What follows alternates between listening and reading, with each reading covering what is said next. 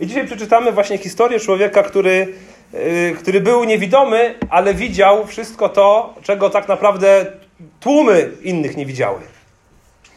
Yy, będzie to oczywiście historia Bartymeusza.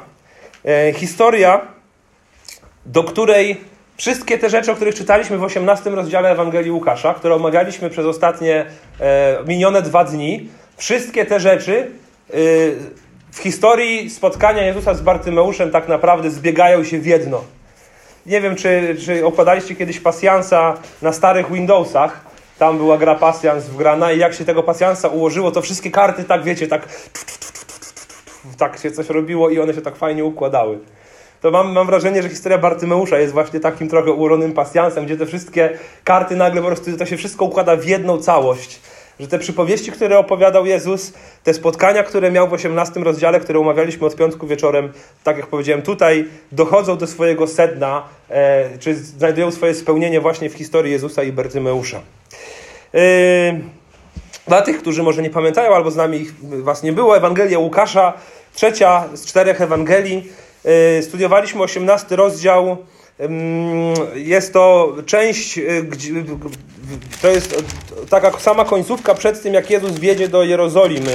Ten wjazd Jezusa do Jerozolimy y, pojawia się właśnie w kolejnym rozdziale w, w rozdziale 19 Jezus wierzy do Jerozolimy, teraz jest po prostu w drodze do tej Jerozolimy. Ta droga do Jerozolimy tak naprawdę zaczyna się już w dziewiątym rozdziale, pod koniec dziewiątego rozdziału, kiedy jest powiedziane, że Jezus właśnie do Jerozolimy się udaje. I przez ten dziewiąty, dziesiąty, jedenasty i tak dalej idzie i idzie, idzie, idzie i tam się dzieją różne rzeczy. I ten motyw drogi tam jest bardzo widoczny, który wydaje się, że właśnie e, ten motyw drogi jest tym, co też pokazuje, jak działa wiara. E, że wiara jest swego rodzaju taką pewną drogą i kiedy Jezus wzywa ludzi mówiąc pójdź za mną, to wzywa ich no, dosłownie do, te, do, do pójścia w drogę razem z Nim, ale jednocześnie w tej warstwie duchowej wzywa ich, e, wzywa ich do wiary. E, omawialiśmy w ciągu ostatnich kilku dni opowieść Jezusa, czy przypowieść o e, natarczywej wdowie i niesprawiedliwym sędzi. E, gdzie sednem była właśnie modlitwa rozumiana jako wyraz wiary i to pytanie Jezusa, czy syn e, e, człowieczy znajdzie wiarę na ziemi. Potem omawialiśmy celnika i faryzeusza, faryzeusza tego, który, który właśnie nie, nie został usprawiedliwiony, który patrzył na siebie. I faryzeusza, u którego widzieliśmy opamiętanie i przyznanie się do grzechów, czyli właśnie wiarę, wiarę, która uczyniła go sprawiedliwym. Potem mieliśmy krótki fragment o dzieciach, którym uczniowie zabraniali przychodzić do Jezusa, a Jezus mówi, do takich należy Królestwo Boże, pozwólcie im przyjść. Tym, którzy są gdzieś najniżej drabiny społecznej, tym, którym może się wydawać, że oni nie rozumieją, to niech oni przychodzą, ja chcę ich pobłogosławić. Więc te, te dzieci trochę tak właśnie współpracują z tym, z tym celnikiem czy, czy z tą wdową. Wczoraj wieczorem omawialiśmy dostojnika, e, bogatego człowieka, e, u którego, który szukał zbawienia w przestrzeganiu przykazań i w tym w poczuciu, że on jest kimś dobrym. E, I widzieliśmy właśnie tą końcówkę, gdzie Jezus chwali uczniów i pokazuje, że wiara to jest postawienie Boga na pierwszym miejscu i pójście za Jezusem. I tak do tego też był wezwany ten dostojnik, ale z tego nie skorzystał. I dzisiaj przeczytamy ostatnie, ostatni fragment, który będziemy omawiać od wiersza 31, gdzie jest spotkanie Jezusa z uczniami do końca rozdziału, czyli do wersetu 40, 43. Następnie wziął ze sobą dwunastu i powiedział im: Idziemy do Jerozolimy, gdzie dopełni się wszystko, co za pośrednictwem proroków zostało napisane o Synu Człowieczym. Gdyż będzie on wydany poganom i wyśmiany, znieważony i opluty, ubiczowany i zabity, lecz trzeciego dnia zmartwychwstanie. Oni jednak nic z tego nie rozumieli. Znaczenie tego, co mówił, było dla nich niejasne, nie pojmowali jego słów. Gdy Jezus zbliżał się do Jericha, przy drodze siedział i żebrał pewien niewidomy. Na odgłos przechodzącego tłumu zaczął rozpytywać, co się dzieje. Powiedzieli mu więc, że to Jezus z Nazaretu przychodzi. Wówczas niewidomy zawołał: Jezusie, synu Dawida, zlituj się nade mną. Ci, którzy szli na przedzie, słysząc to wołanie, nakłaniali go, aby zamilkł. On jednak krzyczał jeszcze głośniej: Synu Dawida, zlituj się nade mną. Jezus, zatrzymany tym wołaniem, polecił sprowadzić go do siebie. A gdy się zbliżył, zapytał go, co chcesz, abym ci uczynił? Panie, pragnę przejrzeć na oczy, powiedział. Przejrzyj, polecił Jezus. Twoja wiara cię ocaliła. I niewidomy natychmiast odzyskał wzrok, po czym ruszył za Jezusem i chwalił Boga. A cały lud na widok tego, co się stało, oddał Bogu cześć. Ten fragment, który przeczytaliśmy, jak zawsze na początku, chcę pokazać pewną strukturę, abyśmy naturalnie poruszali się po tym fragmencie. Rzeczywiście pierwsza część, wersety 31 do 34, gdzie mamy niezrozumienie uczniów e, w tym, co Jezus do nich mówi. Jezus mówi o tym, że zmierzamy do Jerozolimy i, i tłumaczy im, co tam się wydarzy. I oni tego nie rozumieją. Chociaż wykłada im to na podstawie pism. Później od 35 do 39 mamy e, niewidomego Bartymeusza, który usłyszał o Jezusie i do niego woła. W wersetach 40 do 42 mamy uzdrowienie tego niewidomego Bartymeusza e, poprzez jego wiarę. I werset 43 to mamy pójście Bartymeusza za Jezusem. Więc tak naprawdę mamy pewną klamrę, gdzie Jezus mówi do uczniów: Idziemy do Jerozolimy, i oni tego nie rozumieją. I na końcu mamy Bartymeusza, który idzie za Jezusem do Jerozolimy. I chociaż nie wiedział tego wszystkiego, co wiedzieli uczniowie, to rzeczywiście pojął tak naprawdę to, co mówią pisma. A w środku tej klamry mamy, mamy właśnie tę historię z Bartymeuszem i, i jego uzdrowieniem. Więc spójrzmy na te wersety 31 do 34. Jezus po raz kolejny zabiera swoich uczniów, bierze ich gdzieś na bok, aby być z nimi na osobności. I robi to dosyć regularnie. Zdarza się to. Oni są razem, Jezus i uczniowie, z tłumem, ale są też takie momenty, kiedy Jezus bierze dwunastu, albo z tej dwunastki nawet bierze szczególną trójkę na bok i z nimi rozmawia, albo się modli yy, i robi to, aby czegoś ich nauczyć. Idzie na górę przemienienia, pamiętacie te wszystkie historie na pewno. I zawsze, kiedy właśnie dzieje, bierze ich na bok, dzieje się tam coś istotnego. I tutaj Jezus po raz trzeci, gdybyśmy czytali Ewangelię Łukasza od początku, dwa razy znaleźlibyśmy podobne wydarzenia, gdzie Jezus im tłumaczy, dlaczego idą do Jerozolimy. Czytamy: Idziemy do Jerozolimy, gdzie dopełni się wszystko, co za pośrednictwem proroków zostało napisane o synu człowieczym. Gdyż będzie on wydany poganom i wyśmiany, znieważony i opluty, ubiczowany i zabity, lecz trzeciego dnia zmartwychwstanie. Wiemy o tym, że to się wydarzy. Za dwa tygodnie mamy Wielkanoc, tak? Dobrze liczę? Tak. Wielkanoc. W, przed Wielkanocą będziemy mieli nabożeństwo wielkopiątkowe. No właśnie z Ewangelii Łukasza będziemy czytać wtedy fragmenty mówiące dokładnie o tym, co Jezus zapowiada. O tym, że będzie wydany, wyśmiany, znieważony, opluty, ubiczowany, zabity, a w niedzielę będziemy czytać o tym, że trzeciego dnia zmartwychwstanie. Jezus im mówi to wprost. Nie da się tego nie zrozumieć. To nie jest żadna przypowieść, to nie jest żaden obraz, mówi im to wprost. I mówi o tym, zobaczcie, werset 31, dopełni się wszystko, co za pośrednictwem proroków zostało napisane o Synu Człowieczym. Więc on się powołuje na pismo.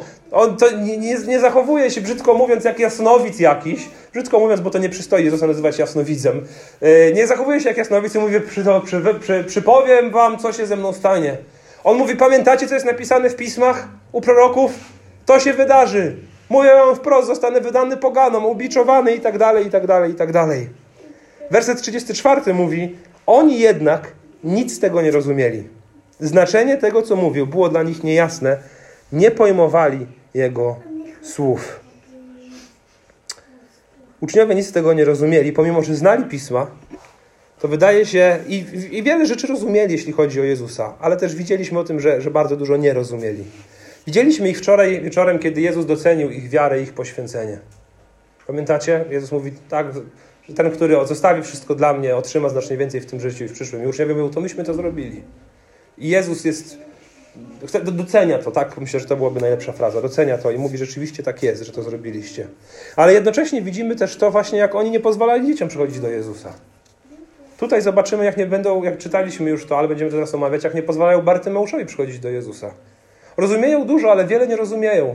I kiedy ich Pan mówi im o tym, że zostanie zabity, będzie torturowany i tak dalej, oni tego nie pojmują. E, nie pojmują, e, jest to dla nich niejasne, jest to przed nimi zakryte. Ciekawe jest to, że w 24 rozdziale Ewangelii Łukasza Jezus właśnie otworzy ich umysły i z powrotem mamy tam zawartą bardzo podobną frazę. Zachęcam, otwórzcie Ewangelię Łukasza 24 44 do 47. Pierwszy fragment jest w, w, w drodze do Emaus, kiedy Jezus w 27 wersecie, poczynając od Mojżesza przez proroków, tłumaczy im każdy fragment pism odnoszący się do niego.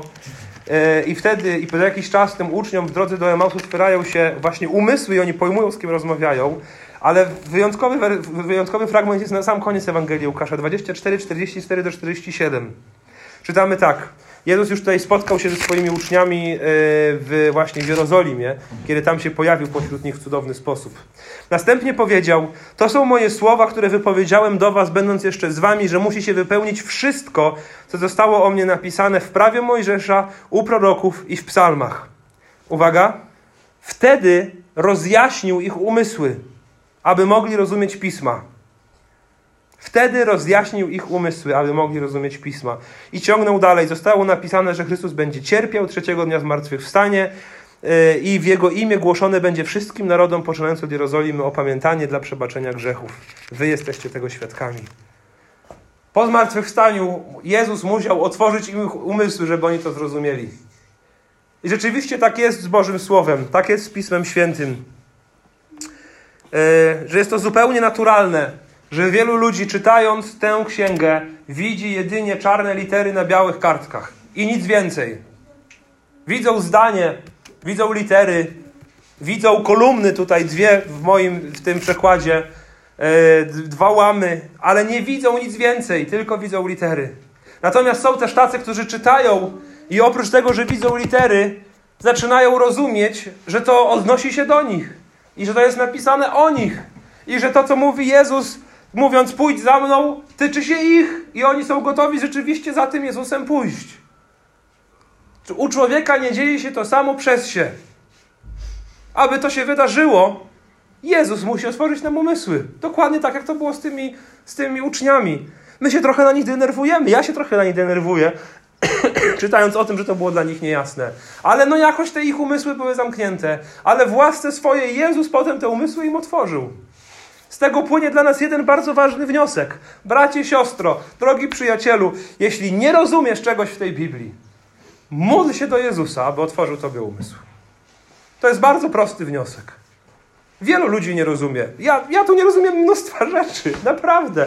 Mnóstwa rzeczy, mnóstwa rzeczy jest dla mnie zaskakujących, niezrozumiałych. Nie wiem, jak niektóre wersety pogodzić z innymi. Nie, w żaden sposób to nie podburza mojej wiary, ale modlę się do Jezusa, mówiąc, Panie Jezu, w zasadzie za każdym razem, jak otwieram Biblię, Panie Jezu, proszę rozjaśnij mój umysł, bo ja sam z siebie Prosty jestem chłopak i głupi i nie rozumiem wielu rzeczy. Ale oświeć mnie, dopomóż mi, rozjaśnij mi przez swojego ducha. Zachęcam, módlmy się o to, żeby zrozumieć Pismo. Uczniowie tego potrzebowali. Dopiero jak Jezus rozjaśnił to przed nimi, otworzył ich umysły, oni to pojęli. To nie jest, yy, to nie jest yy, zwykły tekst, ale to jednocześnie też nie jest yy, coś tak niezrozumiałego, że nie da się tego zrozumieć. Czytajmy razem z modlitwą Boże Słowo, a wierzę, że Chrystus będzie to rozjaśniał. Więc uczniowie nierozumiejący tego, o czym mówi Jezus. A potem w wersecie 35 właśnie pojawia nam się zupełnie nowa scena. Znowu Jezus jest, ich, jest razem ze swoimi uczniami pośród tłumu. I czytamy wersety 35 do 39. Gdy Jezus zbliżał się do Jericha, po drodze, yy, przy drodze siedział i żebrał pewien niewidomy. Na odgłos przechodzącego tłumu zaczął rozpytywać, co się dzieje. Powiedzieli mu więc, że je to Jezus z Nazaretu przychodzi. Wówczas niewidomy zawołał: Jezusie, synu Dawida, zlituj się nade mną. Ci, którzy szli na przedzie, słysząc to wołanie, nakłaniali go, aby zamilkł. On jednak krzyczał jeszcze głośniej: Synu Dawida, zlituj się nade mną. Więc Jezus zmierza do Jerozolimy, e, jak już o tym mówiliśmy, idzie tam tłum ludzi, oprócz uczniów Jezusa, dlatego że idą tam na święto Paschy. Jedno z trzech świąt, kiedy należało właśnie odbyć pielgrzymkę do Jerozolimy. Ludzi było mnóstwo wtedy w Jerozolimie. Na co dzień w Jerozolimie mogło mieszkać kilka tysięcy ludzi, kiedy była, były tego typu święta. Historycy mówią, że nawet milion ludzi mógł przyjeżdżać. Milion do kilku, ewentualnie kilkunastu tysięcznej miejscowości. Więc potężne masy, wszystko dookoła było po, pozapychane. Święto, które zostało e, ustanowione za czasów Mojżesza, po to, aby Izrael pamiętał o tym, że Bóg ich wyprowadził z niewoli egipskiej, upamiętniający tę właśnie ostatnią noc, kiedy to e, zabity baranek ratował e, rodziny izraelskie, natomiast wszyscy pierworodni w Egipcie poginęli. To było tutaj świętowane i Jezus jako baranek Boży rzeczywiście zostanie tutaj również złożony za grzechy, za grzechy y, świata. Gdy zbliżali się do, Je, więc czytamy, że zbliżali się do Jericha. Jericho jest położone mniej więcej 25 kilometrów pieszą wędrówką od Jerozolimy. Jerozolima jest na górze, Jericho jest na dole. Trzeba pokonać mniej więcej dystans y, tysiąca metrów nad poziomem morza, więc jest różnica tysiąca metrów w położeniu, ale ta droga to jest około 25 kilometrów. Więc idzie się z Jericha do Jerozolimy pod górę. Jak ktoś jest y, mocny, to może to pokonać w jeden dzień, ale wielu to rozkładało pielgrzymów na, e, na dwa dni. Więc idą pielgrzymi, idą do Jerozolimy, idą na święto, e, idą, ponieważ przestrzegają Bożego prawa jeśli ktoś był żebrakiem, jeśli ktoś był niepełnosprawny, jeśli ktoś był niewidomy, nie było lepszego wydarzenia w ciągu roku e, niż to właśnie, aby w czasie tej wędrówki ludów, czy ludu e, usiąść przy drodze, gdzie wszyscy oni będą przechodzić. Dlatego, że alternatywna droga do Jerozolimy wiodła przez Samarię. A ci, którzy czytają Biblię od jakiegoś czasu, wiecie o tym doskonale, że Żydzi z Samarytanami nie obsowali. Więc Jezus tam poszedł, bo jak czytamy, musiał tam pójść, żeby spotkać się z Samarytanką, ale nie robili tego chętnie. Wszyscy woleli iść przez Jericho. Więc milion ludzi tam miał przyjść. A prawo, jak pewnie pamiętacie, nakazywało jałmużnę nakazywało wspierać niepełnosprawnych.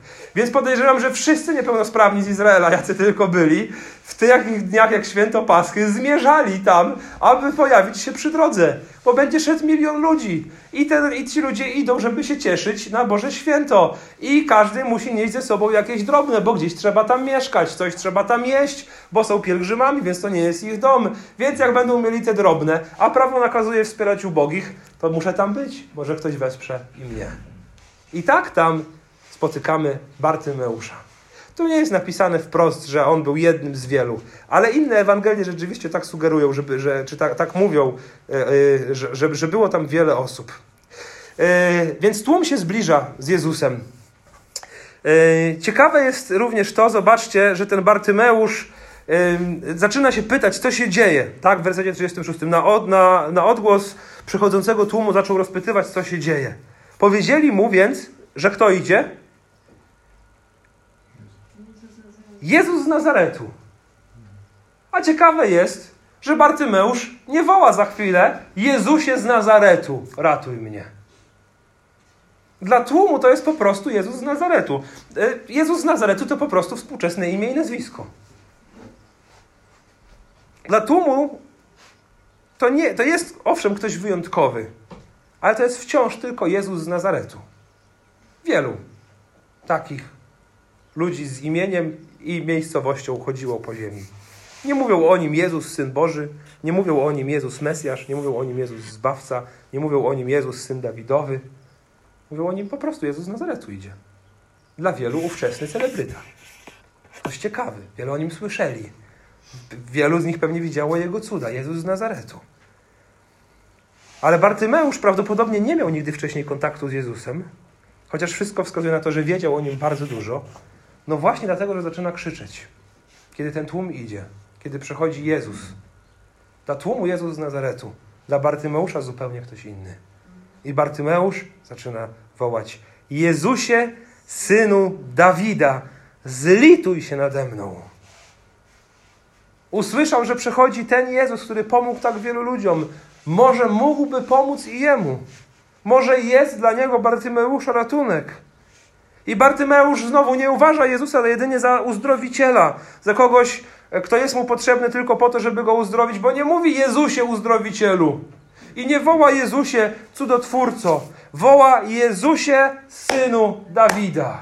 On rozpoznał w Jezusie potomka Dawidowego, o którym przez ostatnich tysiąc lat żyło proroctwo, o którym żyło proroctwo przez ostatnich tysiąc lat w narodzie izraelskim. To proroctwo jest zapisane w drugiej księdze Samuela, siódmym rozdziale, wersetach 12 do 16, gdzie Bóg obiecuje Dawidowi, że da, przyjdzie potomek, przyjdzie król z jego rodu, który zbuduje dom imieniu Bożemu, którego królestwo będzie wieczne, dla którego Bóg będzie ojcem, a ten król będzie synem. Jego dom będzie trwały, jego tron będzie niewzruszony na wieki. Druga księga Samuela, 7, 12 do 16. Jest tam takie proroctwo. I wiecie, lata mijały. Wydawało się, że to Salomon będzie tym królem.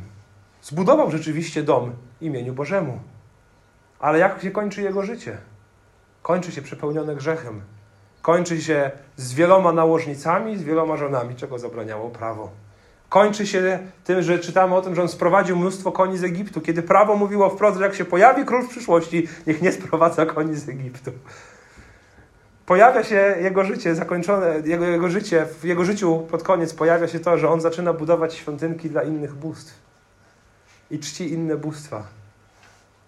I kiedy nastaje po nim jego syn, to królestwo się rozpada i dzieli się na dwie części, północnej i południowej Izraela i Judy. To nie jest proroctwo o Salomonie. To może ktoś inny, to może jego syn, Rehabeam albo Jeroboam, który wtedy był królem yy, yy, północnego królestwa. Ale oni również okazują się nie tacy. Są o wiele gorsi niż Salomon. To może ktoś kolejny się pojawi. I lata mijają, i wieki mijają, i kolejni królowie przychodzą z rodu Dawida, ale wszyscy oni w żaden sposób nawet nie sięgają do pięt temu, co tu jest napisane o tym królu, o którym proroctwo, proroctwo funkcjonuje w Izraelu. I Izrael przez wieki wypatruje spełnienia tego proroctwa. Przychodzą kolejni, kolejni królowie, potomkowie Dawida, ale większość z nich jest bezbożna. Nikt z nich nawet nie dorównywał Dawidowi, a co dopiero komuś, to ma być jeszcze większe od Dawida, jak mówi to proroctwo. Ale proroctwo było powstrzymywane. Ale nadzieja trwała w narodzie. I co jakiś czas Bóg przez proroków przypominał, że przyjdzie w końcu król z rodu Dawida, ale znacznie wspanialszy niż sam Dawid. Będzie miał wieczne królestwo i żadne inne królestwo nie będzie mogło z nim się równać. Ludzie czekali 10 wieków, tysiąc lat na spełnienie tego proroctwa. To tak jakby to było proroctwo wygłoszone ze czasów Mieszka I. Albo Bolesława Chrobrego, no, powiedzmy sobie dzisiaj, tysiąc lat odliczając. I dzisiaj miałoby się spełnić. To wiecie, to my nie mamy pojęcia w zasadzie, co się wtedy działo. No Gniezno i był zjadł Mieźmiński, tyle. A proroctwo funkcjonuje przez wszystkie pokolenia, przekazywane z ust do ust, zapisywane o wiecznym królestwie. I oto pierwszym człowiekiem w Ewangeliach, który pojął, że nadeszło wypełnienie tego proroctwa. Tym człowiekiem nie jest żaden z uczniów, żaden z dwunastu, nie jest żaden arcykapłan, nie jest żaden faryzeusz. Zrozumiał to niewidomy żebrak, siedzący przy drodze. I słyszał, że idzie Jezus z Nazaretu. I słyszał o tym Jezusie i natychmiast pojął, z kim ma do czynienia. I on jako pierwszy rozpoznaje w Jezusie spełnienie obietnicy Bożej, na którą czekano tysiąc lat. I zaczyna wołać: Jezusie, synu Dawida, zmiłuj się nade mną. Dla większości Jezus był po prostu Jezusem z Nazaretu. Dla żebraka a Bartymeusza zrozumiał, że jest to w Jezusie jest jedyna możliwość ratunku. Krzyczał pewnie z całej siły. Nie przejmował się tym, co mu, że inni mu zabraniali. Bo czytamy o tym, tak, że ci, którzy chcieli na, byli na przedzie, w wersie 39, słysząc to wołanie, nakłaniali go, aby zamilkł. A on krzyczał jeszcze głośniej. Wiedział, że już, że, że okazja może się nie powtórzyć. Nie interesowało go, co powiedzą mu inni. Nie interesowało go, co pomyślą sobie inni. Nie pomyślał sobie, no tak, rzeczywiście, strasznie głośno krzyczę. Może ludzie się czują niezręcznie. Proszą mnie, żebym przestał. Dobra, to poczekam. Może będzie Jezus tędy wracał, to wtedy zawołam. Nie, oni go ucieszają. On mówi, nie ma opcji, że ja będę cicho. Jezusie, synu Dawida, zmiłuj się nade mną. Taka motywacja, gdzie on wie, że to jest jego jedyny ratunek, jest nie do zatrzymania. Zauważcie, on mówi, Jezusie, synu Dawida, zmiłuj się nade mną. Czy nie przypomina wam się coś z Ewangelii Łukasza 18? Ta fraza zmiłuj się nade mną? Celnik, który się modli. I stoi tam z tyłu w świątyni. I mówi w zasadzie dokładnie to samo. Czytamy o tym w wersecie 13. Celnik zaś stanął daleko i nie śmiał nawet oczu podnieść ku niemu, lecz bił się w piersi i mówił: Boże, okaż miłosierdzie mnie, największemu z grzeszników. Okaż miłosierdzie, czyli innymi słowy, zmiłuj się nade mną. Bartymeusz woła w zasadzie tymi samymi słowami, paralelnymi.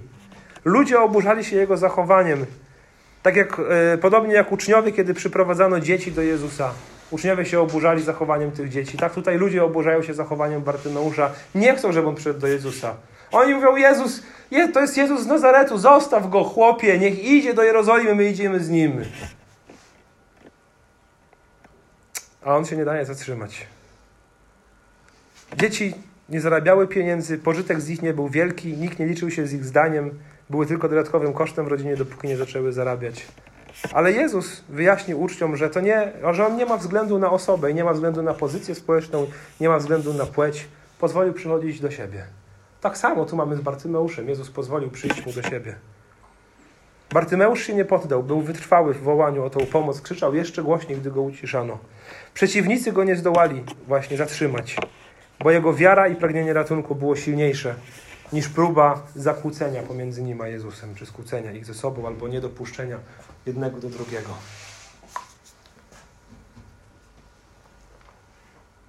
W wersetach 40 do 42 mamy właśnie, dochodzi do spotkania między Jezusem i Bartymeuszem. Jezus zatrzymany tym wołaniem polecił sprowadzić go do siebie. A gdy się zbliżył, zapytał go, co chcesz, abym ci uczynił? Panie, pragnę przejrzeć na oczy, powiedział. Przejrzyj, polecił Jezus. Twoja wiara cię ocaliła. Więc Bartymeusz dostaje się do Jezusa. Dlaczego? Dlatego, że Jezus usłyszał jego wołanie. Jezus, zatrzymany tym wołaniem, polecił sprowadzić go do siebie. Usłyszał wołanie żebraka i polecił, aby go przyprowadzono. Niewidomy oczywiście sam z siebie, jakby tam miał dojść. Mnóstwo ludzi po drodze. Więc wzięli go inni, przyprowadzili do Jezusa. Jezus się zatrzymał, cały pochód pewnie, który szedł razem z Jezusem się zatrzymał. I Jezus zadaje mu to pytanie, które, jest, które często zadaje ludziom, którzy czegoś od Niego chcą i które jest pytaniem, na które odpowiedź jest oczywista. Co chcesz, abym Ci uczynił? I Bartymeusz oczywiście odpowiada, Panie, abym przejrzał. A gdyby Jezus dzisiaj przychodził tutaj i gdybyśmy Go zobaczyli, jak tutaj przychodzi i gdybyśmy mieli sprawę do Niego jakąś, tak jak Bartymeusz miał istotną sprawę i On by zapytał, co chcesz, abym Ci uczynił, Iga? Albo co chcesz, abym ci uczynił, Janina? Albo co chcesz, abym ci uczynił, Andrzej? I tak dalej, i tak dalej. To co byś mu powiedział? Spróbujmy się w to wczuć. Co byś mu powiedziała? Co chcesz, abym ci uczynił? Może powiedzielibyśmy, Panie, straciłem pracę, potrzebuję nowej pracy. Panie, mój kraj jest pochłonięty wojną, potrzebujemy pokoju. Panie, zdiagnozowano u mnie raka. Czy możesz mnie uzdrowić? Możesz mi pomóc? I te rzeczy rzeczywiście są nam potrzebne. Bartymeusz chciał mieć wzrok, od dziecka był niewidomy. On chciał widzieć. Cóż w tym dziwnego? Ale Bartymeusz, jak za chwilę przeczytamy, otrzymał znacznie więcej niż wzrok. Bo jeśli rozumiemy, kim jest Jezus, że jest On Bożym Synem, jest Zbawicielem, jest jedynym ratunkiem dla nas, jest Synem Dawidowym, to gdyby Jezus przechodził tutaj obok, Chciałbym, abyśmy wszyscy mu powiedzieli: Jezusie, synu Dawida, zmiłuj się nade mną. Proszę cię, okryj mnie swoją sprawiedliwością, bo przyjdzie dzień, kiedy stanę przed Twoim Ojcem. I obawiam się, że będę ubrany w brudne łachmany y, swojego grzechu lub będę tam stał nagi i zawstydzony. Proszę Cię, osłoń mnie, proszę Cię, ocal mnie. Daj mi to, czego mi naprawdę trzeba, a to, czego najbardziej potrzebuję, to jest Twoja sprawiedliwość, bez której nie wejdę do Twojego królestwa. O to dokładnie ostatecznie otrzymał Bartymeusz. Można by to ująć jeszcze w inny sposób, bardziej Łukaszowy. Jezusie, Synu Dawida, zmiłuj się nade mną. Proszę, daj mi zbawienną wiarę. Usprawiedliw mnie przed swoim Ojcem. To nie moje oczy, to nie moje uszy, to nie mój trąd, ale to moja dusza potrzebuje uzdrowienia. Uzdrów moją duszę. Zabierz ciemność z mojej duszy. Bo widzimy, że to właśnie pragnienie Bartymeusza to nie było pragnieniem jedynie uzdrowienia jego oczu. Bartymeusz dostrzegł w Jezusie znacznie większy ratunek. On uwierzył, że Jezus jest zapowiadanym Mesjaszem, królem królów i panem panów.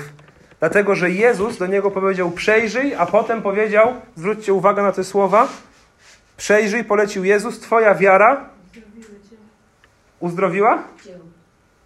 A precyzyjniej, niektóre fragmenty mówią, Twoja wiara ocaliła Cię. Albo uratowała Cię. W tej odpowiedzi Jezus wskazuje na to, że tu nie chodzi tylko o oczy. Tu chodzi o ratunek. Tu chodzi o ocalenie. Tu chodzi o zbawienie. Nie odnosi się jedynie do wzroku, raczej odnosi się również do ratunku duszy, która została uratowana przez Jezusa, przez wiarę Bartymeusza. Więc ten cud okazał się, e, ten cud dokonał się za sprawą Chrystusa, Jezus tego dokonał, dojrzał jego wiarę Bartymeusza, pragnienie, zostały uzdrowione jego oczy, ale wydaje się, jestem przekonany, że przede wszystkim została uzdrowiona jego dusza, bo tak też kończy się cała historia reakcją Bartymeusza, którą za chwilę omówimy. Chcę zwrócić uwagę jeszcze na kilka rzeczy tutaj, zmierzając powoli do końca. Zobaczcie, uczniowie i ludzie z otoczenia Jezusa zachowywali się podobnie wobec żebraka i podobnie wobec dzieci. Również się oburzali zachowaniem tego, że tym niegodnym pozwala się do niego przychodzić. Bartymeusza, podobnie jak dzieci, przyprowadzono do Jezusa. Czytamy, że dzieci trzeba było przyprowadzić, Bartymeusza też przyprowadzili. Ta historia, te podobieństwa nie są przypadkowe, są bardzo podobne. Spójrzmy na wytrwałość i na wiarę tego Bartymeusza. Możemy dostrzec dokładnie tę wytrwałość i wiarę u kogo? Z Ewangelii Łukasza 18. U wdowy, która przychodziła codziennie do sędziego i mówi: Proszę cię, wstaw się za mną i dokonaj sprawiedliwości, bo jestem prześladowana. I też się nie dała ona uciszyć. I doznała y, sprawiedliwości. I ta historia po, raz dziesiąty chyba na tym zjeździe, powiem, kończy się wtedy w ósmym wersecie tylko czy Syn Człowieczy znajdzie wiarę na ziemi, gdy przyjdzie. No właśnie historia Bartymeusza daje nam nadzieję, że znajdzie. I ciekawe jest to, że nie znalazł tej wiary u uczniów, u faryzeuszów, u oczytanego i szanowanego dostojnika, znalazł ją u niewidomego żebraka. Niezłomną, nie dającą się zagłuszyć wiarę. Podobnie jak w przypowieści o celniku i faryzeuszu. Mówi nam to wiele o postawie, którą właśnie możemy dostrzec u niewidomego. Faryzeusz, który znał pisma i celnik, który pewnie nigdy ich nie czytał. Bartymeusz na pewno ich nie czytał, z definicji nie mógł ich czytać, bo był niewidomy. Mógł jedynie o nich słyszeć. Faryzeusze, uczeni w prawie, którzy mieli dostęp do świątyni, żebracy, którzy maksymalnie, jeśli w ogóle mogli wejść to tylko na, na dziedziniec pogan. Ten celnik tam w przypowieści nie śmiał podnieść swoich oczu ku niebu, bił się w pierś i zdawał sobie sprawę ze swojego beznadziejnego położenia. Bartymeusz nie widział nic dookoła siebie, ale jak usłyszał o Jezusie, zawołał dokładnie tak samo: Zmiłuj się nade mną. I pewien dostojnik Bogaty, kiedy zapytał Jezusa, co ma czynić, aby odziedziczyć życie wieczne, dowiedziawszy się, że przestrzeganie przykazań to za mało, by dostać się do nieba. Kiedy Jezus kontynuował i powiedział mu, rozdaj wszystko, co masz i pójdź za mną. Ten człowiek nie miał wiary, aby pójść za Jezusem i zostawić to, co ma. A co zrobił Bartymeusz w ostatnim wersecie, 43? I niewidomy natychmiast odzyskał wzrok. Po czym? I ruszył za Jezusem. Dostojnik nie poszedł za Jezusem, chociaż Jezus powiedział mu wprost: rozdaj wszystko i pójdź za mną. Do, Martybe, do Martymeusza nie musiał powiedzieć: idź za mną. A Bartymeusz sam poszedł za Jezusem. I chwalił Boga, a historia kończy się tym, a cały lud na widok tego, co się stało, oddał Bogu cześć. Te wszystkie historie, które czytaliśmy w Łukasza 18, tutaj zbiegają się w jedną całość, łączą się w jedno. Wiarę, o jakiej mówił sam Jezus, jakiej poszukuje, to właśnie ta wiara, jaką miał Bartymeusz. Rozpoznał w Jezusie swoją jedyną nadzieję. Nie tylko na wzrok, bo wierzę, że również na zbawienie duszy. Wiarę w to, że On jest zapowiadanym synem Dawida, Mesjaszem i królem. Wiara, wiarę rozumianą jako ratunek możliwy tylko w Jezusie i tylko w Nim. Tabiti Aniabuile to jest taki, może nie brzmi amerykańsko, ale amerykański kaznodzieja powiedział tak w kazaniu z, z tego fragmentu. Powiedział, niewidomy Bartymeusz odkrywa w Chrystusie więcej bogactw niż to, ile dostojnik miał ich bez Chrystusa. Niewidomy widzi w Jezusie więcej niż uczniowie w swoim wzrokiem. Oni nie rozumieli, tego, co ma się wydarzyć, nie rozumieli pism, niewidomy rozumiał pisma. Żebrak nie był obecny na osobistym spotkaniu Jezusa z uczniami w wersetach 31-34, więc nie wiedział, że Jezus użył innego mesjańskiego tytułu Syn Człowieczy, odnosząc się do Starego Testamentu. Uczniowie na tym spotkaniu nie mogli zobaczyć, kim tak naprawdę jest Jezus, podczas gdy niewidomy, siedzący na ulicach, widział to doskonale.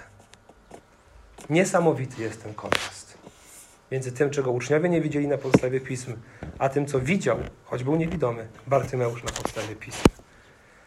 Więc został natychmiastowo uzdrowiony, natychmiast odzyskał wzrok i kluczowe jest to, co zrobił później. Ruszył za Jezusem i chwalił Boga. Zrobił to, do czego zaproszony był dostojnik, a czego nie potrafił i nie chciał zrobić.